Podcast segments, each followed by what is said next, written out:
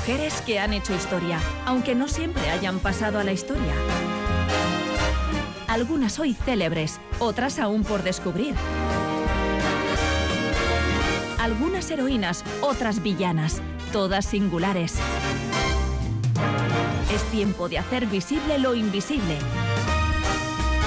Es tiempo de vivir para contarlas. Cada 16 de abril se celebra el Día Mundial de la Voz. Aprovechamos la ocasión para sumergirnos en la vida y el legado de una de las más grandes voces de la historia de la música en general y de la ópera en particular.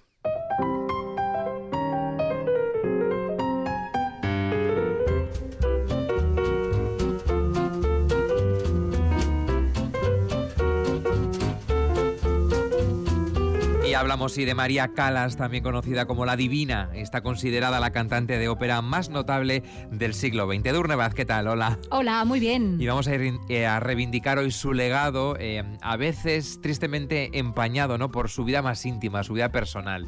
Pues sí, porque María Calas combinó una portentosa, versátil y además muy singular voz con una extraordinaria técnica, un excepcional talento como actriz y un innegable magnetismo sobre el escenario, pero como bien dice, su valioso legado artístico se vio injustamente ensombrecido por el interés que despertó su vida privada. También su voz se vio afectada por sus agitadas circunstancias vitales. La periodista y escritora Cristina Morato lo resume en su libro Divas Rebeldes con las siguientes y acertadas palabras. La historia de María Calas, la mayor diva de la ópera del siglo XX, fue tan trágica y apasionada como la de las heroínas que encarnó en los mejores teatros líricos del mundo. Nadie como ella, que vivió en carne propia los celos, el rechazo, el amor intenso, la culpa y el abandono, pudo meterse en la piel de una Norma, una Lucía o una Violeta de manera tan sublime y dramática. La Calas fascinó al mundo porque representó a través de sus colosales personajes femeninos su propia vida, marcada por el sufrimiento y las frustraciones.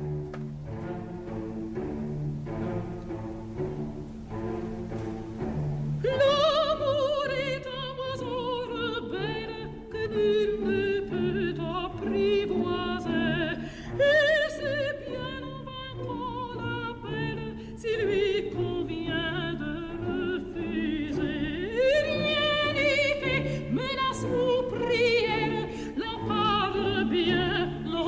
Qué gusto y qué placer va a ser escuchar mm. hoy la voz de Cecilia, Sofía, Ana María Calogeropoulou, que acabaría pasando a la historia como María Calas, que nació en Nueva York el 2 de diciembre de 1923. Sus padres fueron Evangelia Dimitriadis y George Kalogeropoulos, eran inmigrantes griegos, habían llegado a Estados Unidos ese mismo año. ¿Qué más datos biográficos tenemos de los progenitores?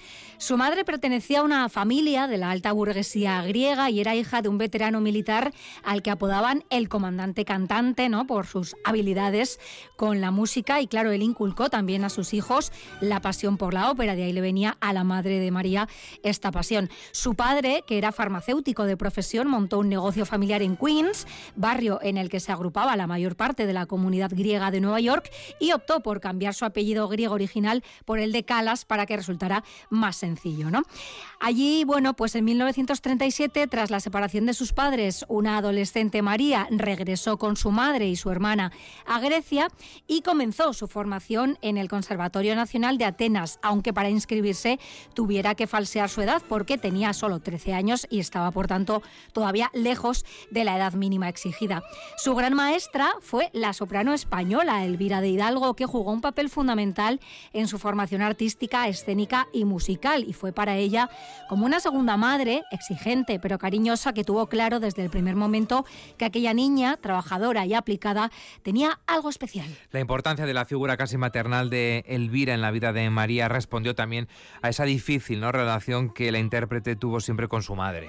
Sí, es una historia bastante terrible. En su libro Divas Rebeldes, la periodista y escritora Cristina Bonato cuenta que cuando María vino al mundo, su madre sintió una gran decepción. Ella estaba convencida de que iba a traer al mundo a un niño y cuando la enfermera le mostró aquella pequeña risueña de casi 5 kilos de peso, morena y mofletuda, la rechazó durante cuatro días, no quiso acercarse a ella, incluso se negó a darle un nombre. La relación entre la gran diva de la ópera y su madre sería, hasta el final de sus días, tan fría y conflictiva como lo fue en sus primeros meses de vida, y Evangelia proyectó en sus hijas sus frustradas ambiciones en el terreno musical, dado que la única que tenía verdadero talento entre sus hijas era María, se convirtió en depositaria de las grandes aspiraciones de su madre, que no dudó en apartar a su hija de sus estudios para que se centrara en su carrera como cantante. Y de hecho ejercía una presión mucho más allá de lo emocionalmente recomendable, ¿eh? lo que incluía eh, comparar constantemente a María con su hermana, que en la cruelmente verbalizada opinión de su madre era pues mucho más guapa y delgada que ella, ¿no? Y tuvo que convivir también con eso. Claro, imaginad lo que era escuchar eso un día tras otro, ¿no? En esa edad, además, tan vulnerable.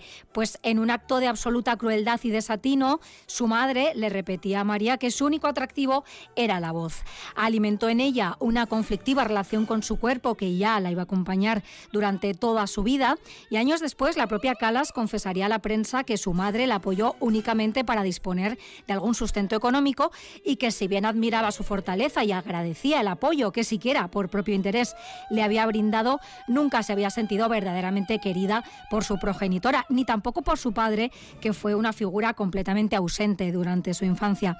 El libro Cast a Diva, The Hidden Life of María Callas, una biografía publicada en 2021 y escrita por Lindsay Spence a partir de la correspondencia inédita de la soprano, recoge revelaciones si caben más siniestras. Sostiene Spence que la madre de María ejerció la prostitución en Grecia durante la Segunda Guerra Mundial y que trató de prostituir también a sus dos hijas. Según la autora, María habría conseguido evitar este destino al conseguir que los soldados alemanes e italianos le pagaran por cantar para ellos gracias a la mediación, una vez más, de su mentora y amiga Elvira de Hidalgo. Cuando empezó a cosechar sus primeros éxitos, su siempre ávida madre no solo vendió historias sobre ella a la prensa, sino que también le exigió una parte de sus beneficios. Y su padre tampoco se quedó corto, porque cuenta Spence que le escribió una carta diciéndole que se estaba muriendo en un hospital de mala muerte solo para intentar que ella le enviara algo de dinero. Así que no es de extrañar que con los años la diva manifestara abiertamente, estoy harta del egoísmo de mis padres y de su indiferencia hacia mí.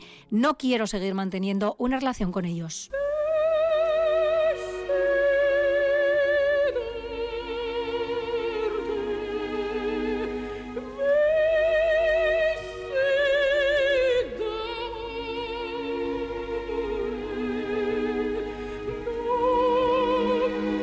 En el terreno musical de Durne, cuando se subió al escenario María Calas por primera vez, digamos, ya no de forma amateur, sino profesional? Bueno, ese debut de María Calas se puede situar en febrero de 1942 en el Teatro Lírico Nacional de Atenas con la opereta Boccaccio. Su primer gran éxito llegaría en agosto de ese mismo año en la Ópera de Atenas, con el que se convertiría en uno de sus más reconocidos papeles, el de Tosca. De vuelta en Estados Unidos y asesorada por su nuevo agente, Eddie Bagarocci, aceptó cantar la ópera En Chicago en enero de 1947. En Nueva York conoció al tenor italiano Giovanni Cenatello, director de la Arena de Verona, quien la contrató para cantar la Gioconda de Ponchielli en el emblemático anfiteatro. Y también fue en Italia donde conoció al que se convertiría en un elemento clave de su incipiente carrera, el empresario de la construcción Giovanni Battista Meneghini, 30 años mayor que ella, fue su marido, su apoyo financiero inicial y su codicioso representante. Años después, ella lo calificó de sabandija y le acusó de robarle más de la mitad de su dinero al poner todo a su nombre desde el momento en el que contrajeron matrimonio.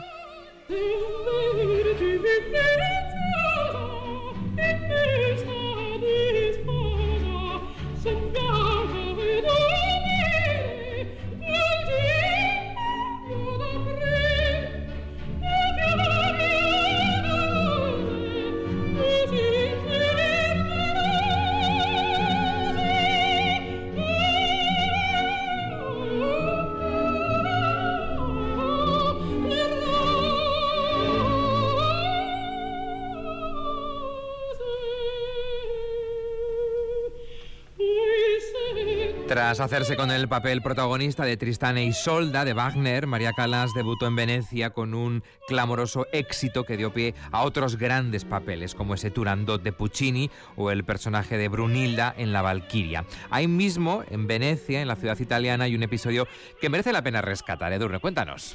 Bueno, en Venecia se iba a representar la ópera a los puritanos de Escocia de Bellini con Margherita Carosio en el papel de Elvira. Quiso el azar que Carosio se pusiera enferma y cuando María Calas cantó para el director musical del teatro, quedó claro que tenían ya a la sustituta perfecta para la diva convaleciente. Tuvo, eso sí, solo una semana para aprenderse la ópera entera y después de la primera representación, el 19 de enero de 1949, María Calas fue bautizada como la voz de Italia. Le quedaba un escenario por conquistar, el de la Scala de Milán, y lo consiguió con la ida de Verdi y a partir de ese momento empezó a ser conocida ya como La Divina. A principios de la década de 1950 su agenda echaba humo. Las vísperas sicilianas de Verdi, la norma con la que en el Palacio de Bellas Artes de la Ciudad de México emitió el que pasaría la historia como El Agudo de México, Rigoletto, La Traviata, La Bohème. En julio de 1952 firmó un contrato de grabación exclusiva con Walter Lech, productor musical de la discográfica EMI, y he aquí otro pasaje legendario de la biografía de la Calas, porque pocos días después de firmar ese contrato, su nuevo productor fue a verla interpretar La Traviata en la Arena de Verona. Le acompañaba su mujer, la famosa soprano alemana Elisabeth Schwarzkopf, quien tras la representación anunció que nunca más volvería a cantar La Traviata. ¿no? Y por toda y contundente explicación declaró cuál sería el sentido de hacerlo si otro artista lo puede hacer perfecto.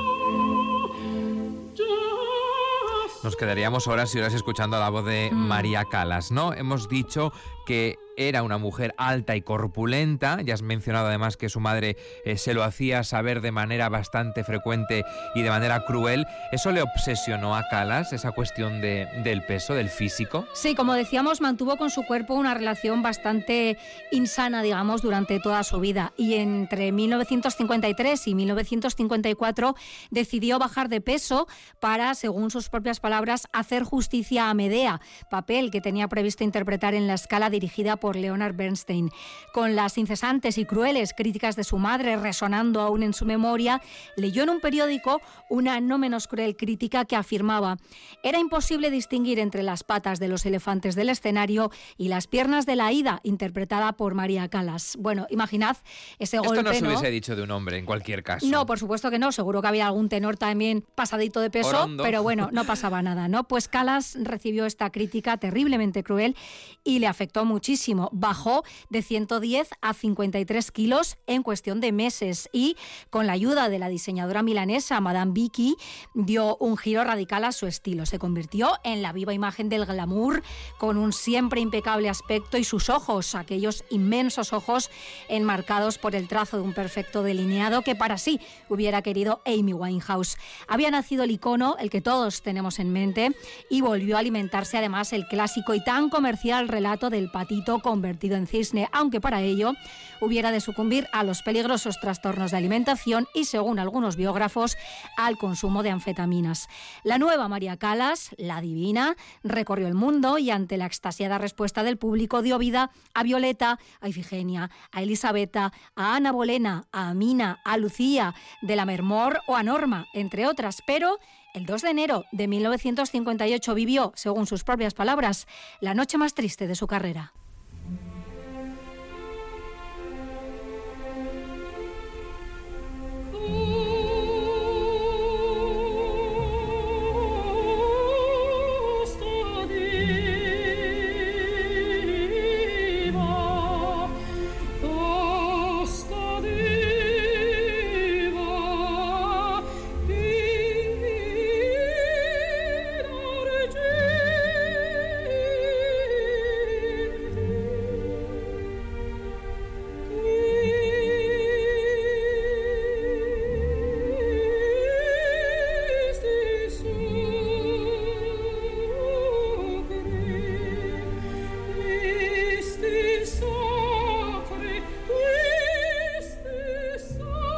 Vamos a entrarnos en ese episodio que mencionabas, la noche más triste de su carrera.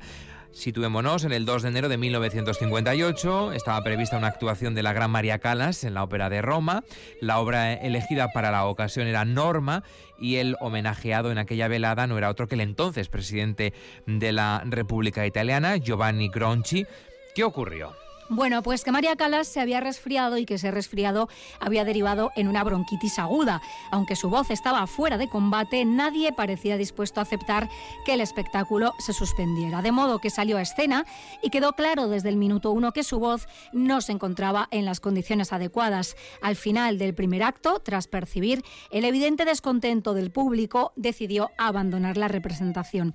Tanto la audiencia allí presente como la prensa internacional puso en marcha una campaña de público linchamiento cargada, en palabras de la cantante, de violencia y crueldad. Déjame decir que esta mañana he revisado, he querido escuchar eh, esa actuación en el 58, ese 2 de enero, en eh, la Ópera de Roma, más allá de que estuviese enferma, aún así, sí. su voz seguía sonando como Los Ángeles. A mí me pasa lo mismo cuando luego veremos que en su última etapa, en sus últimos años de vida, su voz era muy cuestionada. A mí me sigue pareciendo algo Y abucheada, ¿eh? increíble. Y Pero será que no tengo el criterio suficiente, ¿no? A mí me parece siempre, bueno, una voz increíble. Pero, bueno, la fama de difícil, altiva y tempestuosa acompañó durante aquellos años a María Calas, a la que llegaron a apodar como la tigresa. Soy muy tímida, confesó ella en una ocasión. Nunca me atrevo a mostrar lo que siento por la gente. Me toman por una diva orgullosa e indiferente y entonces aún me encierro más en mí misma. Íntegra, perfeccionista y meticulosa, María Calas era tan exigente con quienes trabajaban con ella como lo era consigo misma y esto pues le traía algunos problemas. En la película documental María Baicalas, dirigida por Tom Wolfe y estrenada en 2017, afirma, hay dos personas dentro de mí. Me gustaría ser María, pero está la Calas, de quien debo estar a la altura. Así que intento lidiar con ambas como buenamente puedo. Pese al daño que el incidente de Roma supuso para su imagen pública, siguió ofreciendo exitosos recitales en Lisboa, Chicago, Berlín, Viena, Filadelfia, Washington, Dallas, Colonia, Edimburgo, Londres, París o Barcelona, que visitó en 1959. Ese mismo año apareció en su vida una figura absolutamente crucial en su biografía, para bien y para mal.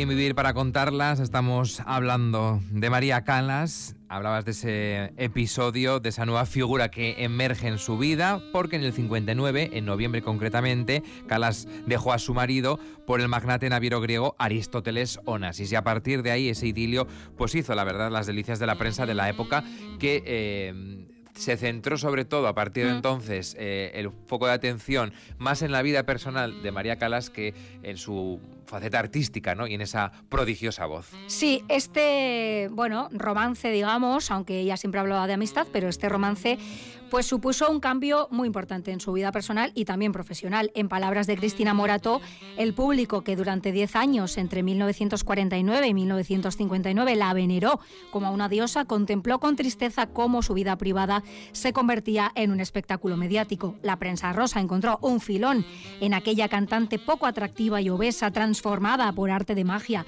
en una mujer escultural y deslumbrante que cautivó a uno de los hombres más poderosos del mundo. Cuando su romance con el multimillonario griego saltó a las portadas de las revistas, sus seguidores olvidaron su fulgurante carrera artística y comenzaron a juzgarla sin piedad.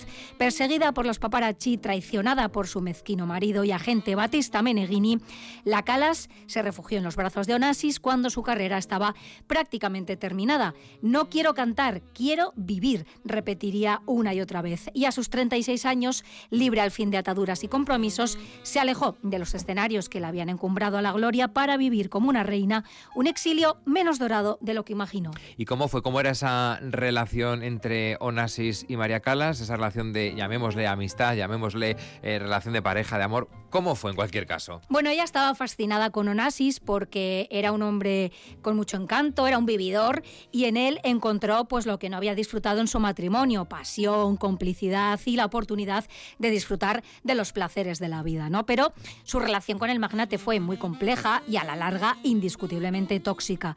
La biografía de Lindsay Spence sugiere incluso que él pudo llegar a someter químicamente a la intérprete para satisfacer sus fantasías sexuales que al parecer eran varias y un tanto cuestionables, ¿no? No me amaba a mí, sino a lo que yo representaba, diría María Calas años después. Pero entonces, entregada a esa nueva y ociosa vida junto a Onassis, decidió abandonar los escenarios. Cuando casi una década después intentó regresar, su voz ya no era la de antes y a este respecto se han apuntado diversas y posibles causas, desde la falta de ensayo hasta los estragos de esa agitada vida social, pasando por su drástica pérdida de peso o, según dos médicos expertos en laringología y foniatría, los italianos Franco Fucci y Nico Paolillo, una probable dermatomiositis. Complicada, Una- sí, sí, sí. que afecta a los músculos y tejidos. Exactamente, incluida la laringe, que pudo traducirse en una disfunción de sus cuerdas vocales. El caso es que el estado de su voz, la presión de las críticas y una creciente falta de confianza comprometieron sus actuaciones en público y sumieron a la diva en una profunda depresión. Su salud mental se vio asimismo afectada por otros factores, como su forzosa renuncia a la maternidad. Ni su madre primero ni su marido después le permitieron plantearse siquiera esta posibilidad, algo que siempre le pesó porque siempre dijo que le hubiera gustado ser madre. Tenía la esperanza de que Onassis se casara con ella, pero este no hacía sino echar balones fuera. Y entonces llegó el mazazo definitivo. En 1968, el magnate naviero abandonó repentinamente a María para casarse con Jackie Kennedy, viuda del presidente norteamericano JFK.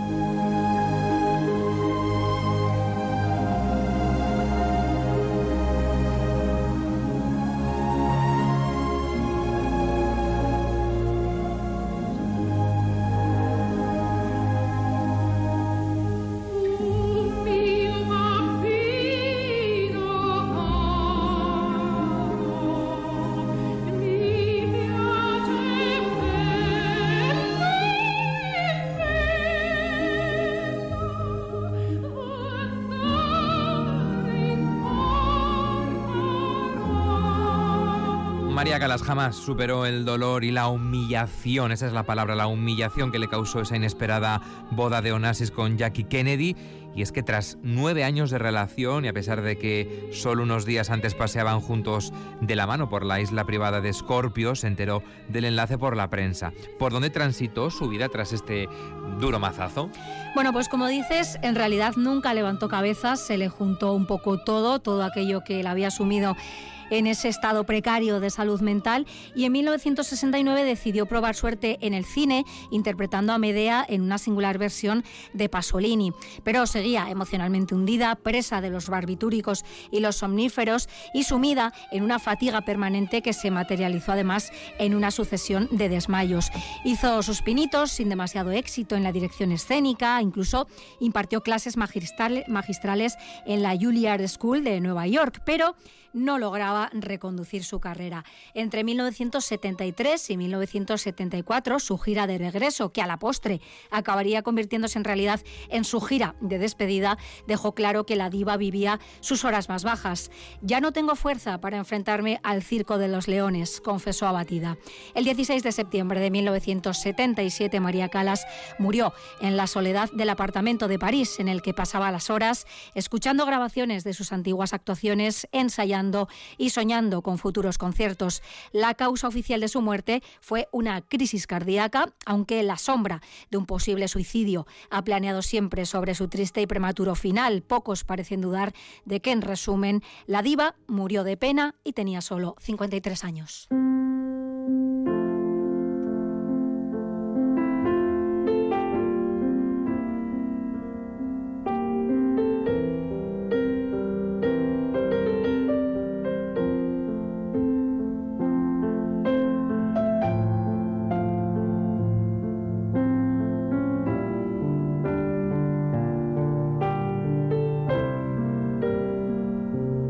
María Calas fue la más eminente cantante de ópera del siglo XX, con casi medio centenar de personajes interpretados. Resucitó la tradición del canto romántico italiano y también cambió la manera de concebir la representación operística. Ese es el gran legado que nos deja María Calas. Exactamente, recuperó bueno, un género que era para unos pocos y que estaba un tanto denostado y lo recuperó para el gran público. ¿no? Y además, como decíamos, ella combinó su portentosa, versátil y singular voz con una extraordinaria técnica, un excepcional talento como actriz y un innegable magnetismo sobre el escenario. ¿no? Era una mujer muy carismática, pero su legado artístico se vio injustamente ensombrecido por el interés que despertó su vida privada y en palabras de Cristina Morató, su turbulenta relación con Onassis, sus abruptas cancelaciones de actuaciones y berrinches, las frecuentes ocasiones en que abandonó el escenario en plena función, sus altercados con empresarios y directores de teatro, sus enfermedades y su temprana muerte relacionada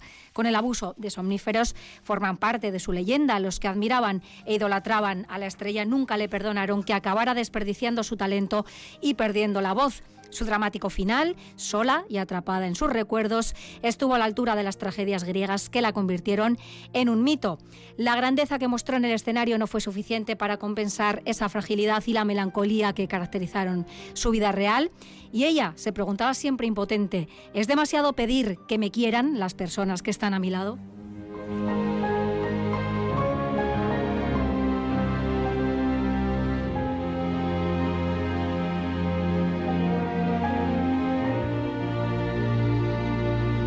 Lo que es inmortal es el legado eh, que nos deja María Calas. Por el supuesto. revisitar hoy, como lo hemos hecho, muchas de las piezas que, que grabó es un auténtico lujo. Eh, estaba recordando em, una imagen de la película Filadelfia, yo creo que es la secuencia por la que Tom Hanks recibe el Oscar, a la interpretación en esa película en la que se escucha de fondo la mamma morta que tiene una potencia, no solamente la escena, ¿no? sino eh, la voz. ¿no? La mamá está muerta, pero su voz y su legado es inmortal. ¿no? Nos va a acompañar a todas las generaciones que vengan y que mientras haya mundo Sí. estará la voz de María Calas. Y bueno, esa dificultad de convivir, ¿no? De la persona con el mito y cómo ella, pues, tuvo que hacer frente a María y a la Calas, ¿no? A la vez. A la divina o a la tigresa, ¿no? Exactamente. Es que Casco Edurne, ha sido un auténtico placer hoy redescubrir, eh, revisitar y escuchar a María Calas. Pues siempre estará ahí para nosotros su portentosa voz.